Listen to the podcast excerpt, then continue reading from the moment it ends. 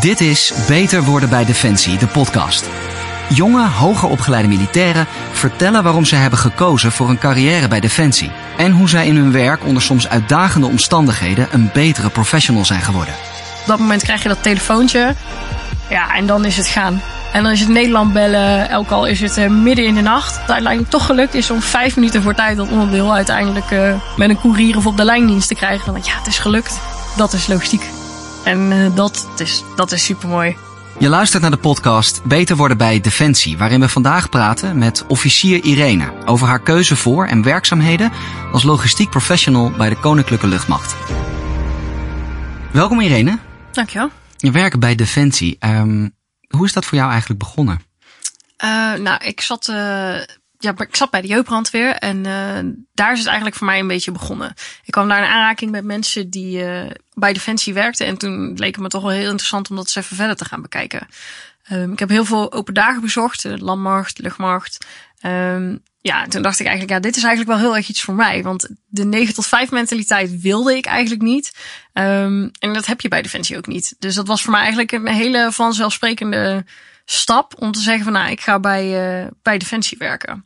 En natuurlijk, je bent ook wel bezig om je uh, verder te oriënteren en verder te kijken. Maar je komt toch alweer altijd terug bij, bij Defensie. Want ja, het is toch een beetje het stoere, um, het niet 9 tot 5. En de, heel veel bijzondere dingen die je bij Defensie kunt doen. Dat voor mij toch uiteindelijk een besluit is geweest om uh, toch voor Defensie te gaan. En hoe was dat, die open dagen?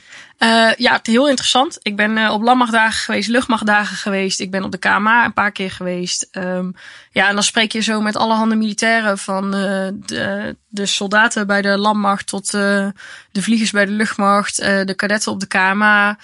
En die vertellen je zo van, vanuit hun positie hoe zij defensie ervaren. Um, wat de leuke dingen zijn, wat ook de minder leuke dingen zijn. Wat zeiden ze erover? Uh, nou, ze zeiden dat het vooral een opleiding is die je uh, in je hele leven eigenlijk iets geeft. het ondersteunt je in je ontwikkeling als mens. je wordt best wel even snel volwassen, zeg maar, als je daar als burger, burger binnenkomt. En het biedt je gewoon een heleboel handvaten waar je zowel binnen Defensie, maar ook buiten heel veel aan hebt. Een stukje doorzettingsvermogen, een stukje discipline. Dat zijn eigenlijk eigenschappen die je overal wel kunt gebruiken. Heb je je eigenlijk ook breder georiënteerd? Ja, zeker. Ik heb uh, uiteraard ook gekeken bij gewone opleidingen en integrale veiligheid. Ik ben bij logistiek geweest.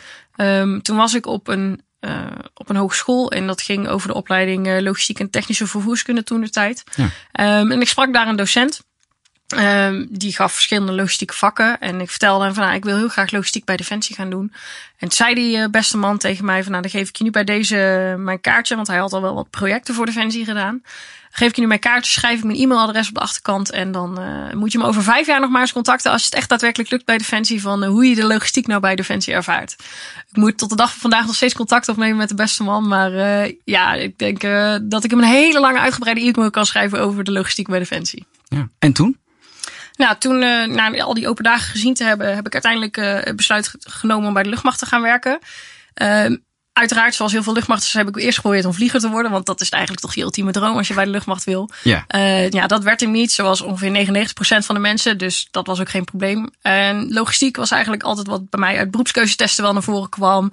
En ik ben graag bezig. Uh, dingen regelen en zorgen dat alles op rolletjes loopt. Dus toen was eigenlijk de keuze vrij voor de hand liggend om uh, bij de logistiek te blijven hangen bij de luchtmacht. Hoe belangrijk is logistiek nou eigenlijk? Uh, ja, heb je ooit een hele week op een dennenappel gekoud? Zo belangrijk is logistiek uh, bij Defensie. Mensen kijken je dan echt aan van, ja, wat bedoel je daarmee? Maar als mensen geen eten hebben, geen peut hebben, zodat de voertuigen niet kunnen rijden, als ze uh, nergens kunnen slapen, als ze niet naar de wc kunnen, ja, dat zo belangrijk is logistiek. Het zijn je basisbehoeftes. Dat is logistiek. Want anders zitten ze een hele week op een den, dennenappel te kauwen of zo. Ja, als er geen eten is, dan, uh, dan kunnen ze niks. En jij als logistiekeling zorgt ervoor dat er eten is. Uh, en dat kan op een oefening zijn in Duitsland, waar dat heel vanzelfsprekend is dat het geregeld is. Maar dat kan ook in uh, gebieden in Mali en Afghanistan zijn, waar dat wat minder vanzelfsprekend is. Waar je niet even om de hoek naar de supermarkt kunt om eten te halen. Dan moet je echt voor zorgen dat je logistieke aanvoerlijnen kloppen, zodat echt iedereen eten heeft. Ja, wat is nou het gekste wat je daarin al hebt meegemaakt? Oeh, wat gekste wat ik daarin al heb meegemaakt. Nou, ik denk nog wel dat dat het moment was dat ik op uitzending was. Um, toen was ik inkoper. Dat is ook een tak van de logistiek bij Defensie. Um, en je bent daar gewoon hele uiteenlopende zaken aan het aanschaffen. En dat ging echt van hele voor de hand liggende dingen als voertuigen om onszelf te verplaatsen of telefoons om mee te communiceren. Maar je bent ook gebak aan het kopen omdat er iemand jarig is. Je bent een dekbed aan het aanschaffen, want die zijn weer op. Je bent uh, wasmiddel aan het kopen, want de wasseretten zat zonder wasmiddel. Uh, het zijn allemaal van die hele uiteenlopende dingen en vragen die je krijgt van ja, dat is logistiek. En dat vind ik echt ontzettend gaaf. Het is heel breed. Ja, logistiek bij Defensie is echt heel breed. En je kunt echt heel veel verschillende kanten op. Nee, je bent nu 26 en al officier. Dat, dat lijkt me nogal wat. Ben je daar zo snel klaar voor? Uh, tuurlijk, je hebt in gedurende je periode in je opleiding en ook altijd tijdens je eerste functie of je tweede functie, zijn er altijd wel momenten waarvan je denkt, hoe ga ik nou zo'n situatie om? Of ben ik hier al wel klaar voor?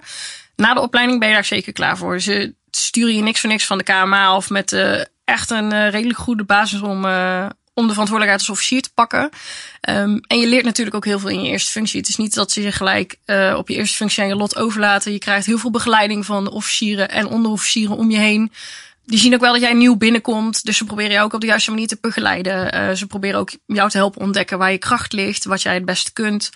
Um, dus ja, ik was vrij jong toen ik van de KMA afkwam. Ik was 23 toen ik op functie kwam. Ja, dan zul je denken, oeh, dat is best wel jong. Je krijgt best wel een pakket aan verantwoordelijkheden meegegeven. Maar ik had uh, een major die mij supergoed begeleidde. En die ook wel zag, ja, die moet nog even een stukje een leermomentje doormaken op een eerste functie.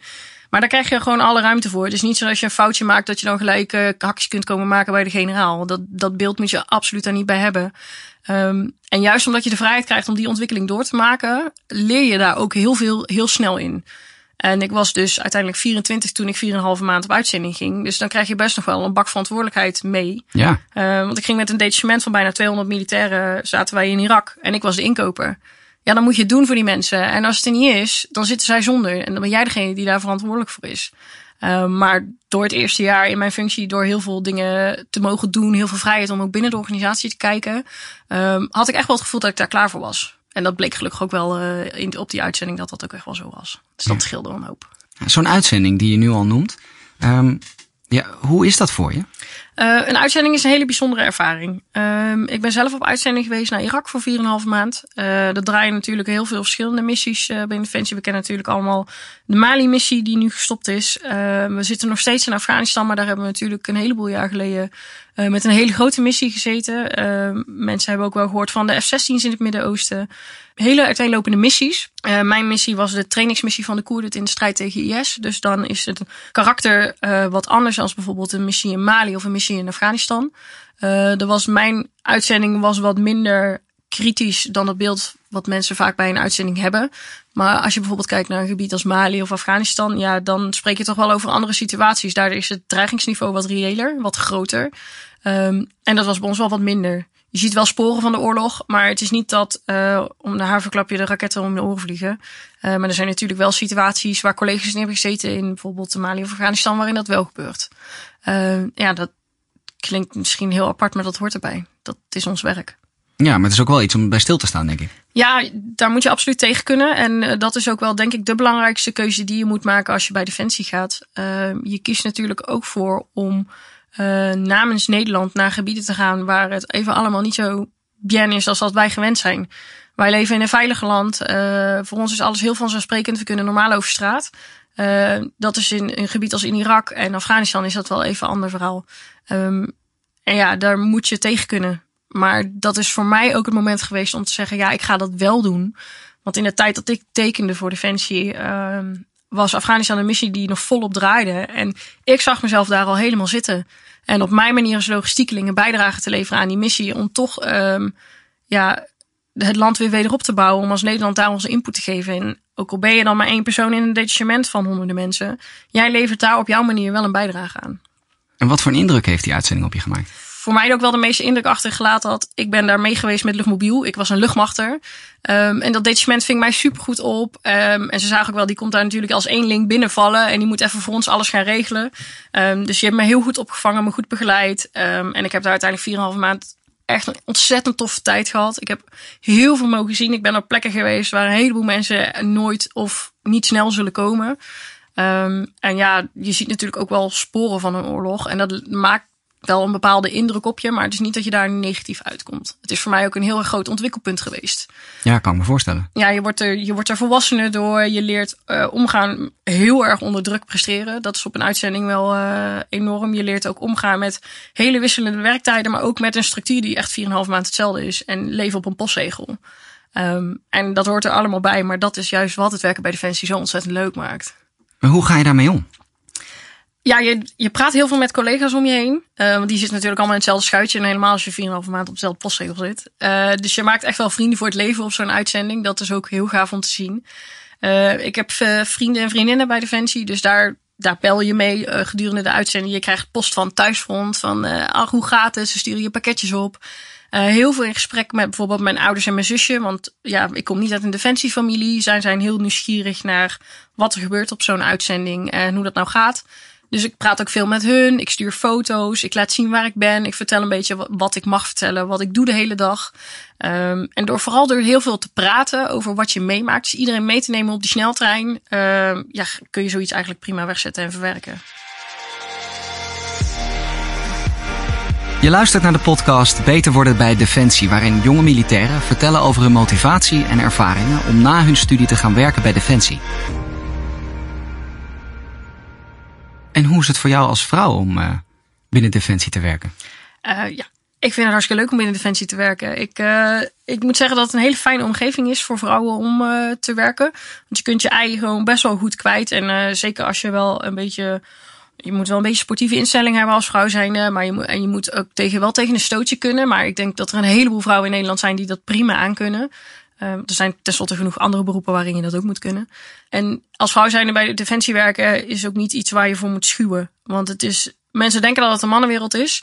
Uh, dat is al lang niet meer. Dat hele macho is er echt wel af. Um, en je kunt als vrouw zijn binnen defensie ook gewoon prima je ei kwijt. En er is niet binnen de logistiek zeker niet een moment waarop mensen verschil zouden maken tussen een man of een vrouw. Dat is al lang niet meer. Zouden we nog meer vrouwen kunnen gebruiken bij Defensie? Ja. Ik zou het ook wel leuk vinden om wat meer vrouwelijke collega's uh, te hebben. Dat natuurlijk, het blijft toch een beetje vrouwen onderling, wat ook heel, heel erg prettig kan zijn. Um, en ik denk zeker dat vrouwen ook hun waarde kunnen bewijzen voor de organisatie. Kijk alleen maar naar wat mensen heel vaak vergeten. Uh, bij internationale conflicten spelen natuurlijk ook de positie van de vrouw speelt vaak een rol. Um, dan kun jij als man wel tegen een groepje vrouwen gaan vertellen um, van ja, hey, op deze en deze manier denken we dat we jullie positie kunnen verbeteren. En dan denken ze ja, dan hebben we weer zo'n kerel. Als jij als vrouw zijnde daar tussen de vrouwen gaat zitten, dan kun jij vaak al meer bereiken dan die ene vent dat kan. En dan is juist het vrouw zijn heel erg belangrijk. Um, en dan kun jij bijvoorbeeld aan uh, vrouwen in Afghanistan uitleggen van uh, hoe, hoe kun jij met microkredieten je handeltje opstarten. Maar er zitten daar natuurlijk ook vrouwen bij de strijdkrachten. En die kun je ook weer dingen leren. En het vrouw tot vrouw communiceren uh, kan in internationale conflicten kan dat echt enorm veel voordelen met zich meebrengen. Kijk, als je ergens ligt te wachten op iets of op een inzet of een actie, dan kan ik me voorstellen dat de adrenaline gaat razen. Maar binnen logistiek en dingen regelen kan ik me ook voorstellen dat er momenten zijn dat je je hart in je keel zit. En dat je gewoon die, die spanning hebt van we gaan dit nu doen. Of het kippenvelmoment.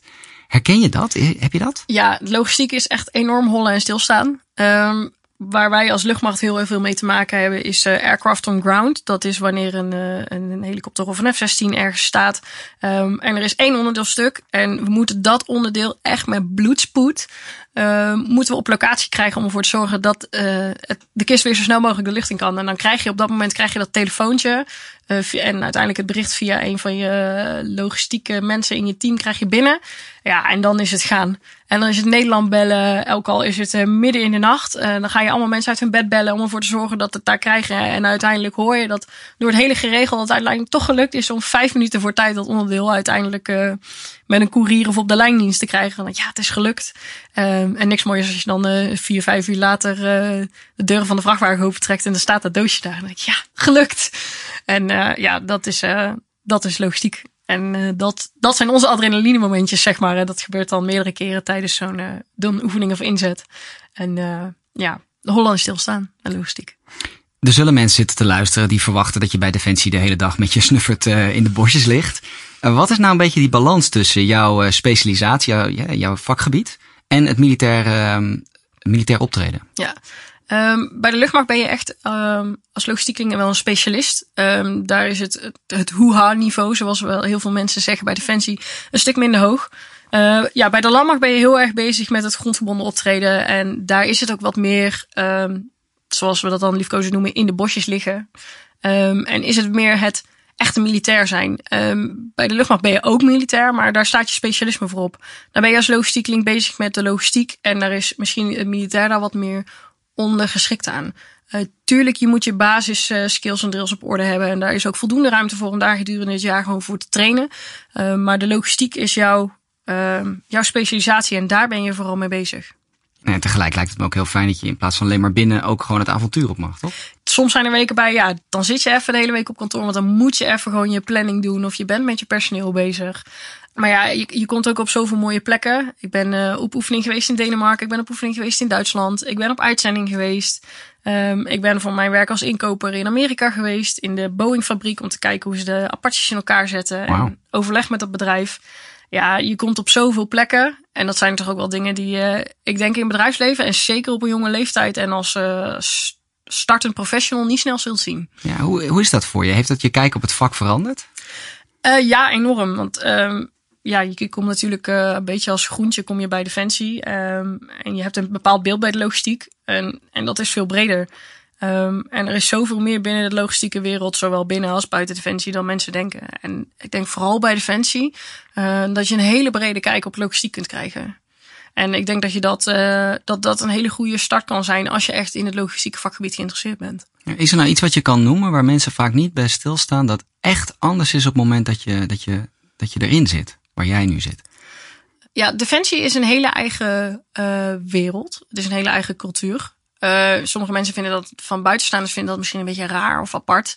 Uh, maar ik zie Defensie ook als een uh, professionele organisatie waarin een heleboel mensen hun hart op kunnen halen omdat ze passie voor hun vak hebben. Um, en ik denk dat dat ook wel heel erg belangrijk is bij een organisatie als Defensie. En dat bindt je onderling. En die binding onderling, dat, toch die band die je met je collega's hebt, die gaat verder dan je in het bedrijfsleven hebt. Wat je bij ons ook heel veel ziet, is dat je collega's ook buiten het werk treft. Um, mijn vriendinnengroep, dat zijn allemaal ook militairen. Die heb ik tijdens de opleiding leren kennen. Je deelt lief en leed met elkaar. Um, maar je hebt ook aan een half woord genoeg. En dat is ook het hele fijn aan die onderlinge band met collega's. Als er dan wat is, zowel thuis of op het werk of tijdens een uitzending, je kunt altijd bij elkaar terecht. Al is het midden in de nacht. Ja. Um, en ik denk dat er maar weinig organisaties buiten Defensie zijn waarbij je dat kunt treffen. Nou, stel nou dat ik zit te luisteren en ik herken me hierin. Um, ja, wat zou je nog willen zeggen tegen de luisteraar die overweegt om bij Defensie te gaan werken? Uh, je moet het gewoon doen.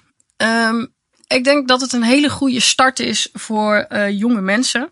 Gewoon omdat je heel veel handvaten naast uh, je professionele vakgebied krijgt aangereikt. Uh, je krijgt een stukje discipline aangeleerd, wat best wel belangrijk is in het leven, denk ik. Een stukje doorzettingsvermogen. Uh, dat wordt vooral tijdens de opleiding wordt dat best wel op de proef gesteld, maar dat is goed, want het is, gaat op een opbouwende manier. Je krijgt daar heel veel begeleiding bij. Um, en je gaat op vrij jonge leeftijd, word je al voor situaties gezet die je in het bedrijfsleven niet zult treffen. En dat vormt je als mens. En het is ook niet voor niks dat uh, de professionals van Defensie ook heel erg gewild zijn in het bedrijfsleven. Want je hebt natuurlijk heel veel vaardigheden naast, uh, naast je vak. Uh, ik ben nu 26 en ik geef leiding aan een afdeling van 18 mensen. Ja, ik, zijn weinig mensen in mijn omgeving buiten Defensie die dat ook hebben. Um, ik mocht me als uh, nog veel jonger startend officier, mocht ik me bemoeien met grote uh, onderhoudscontracten voor de helikopters. En dan spreek je over best wel grote bedragen.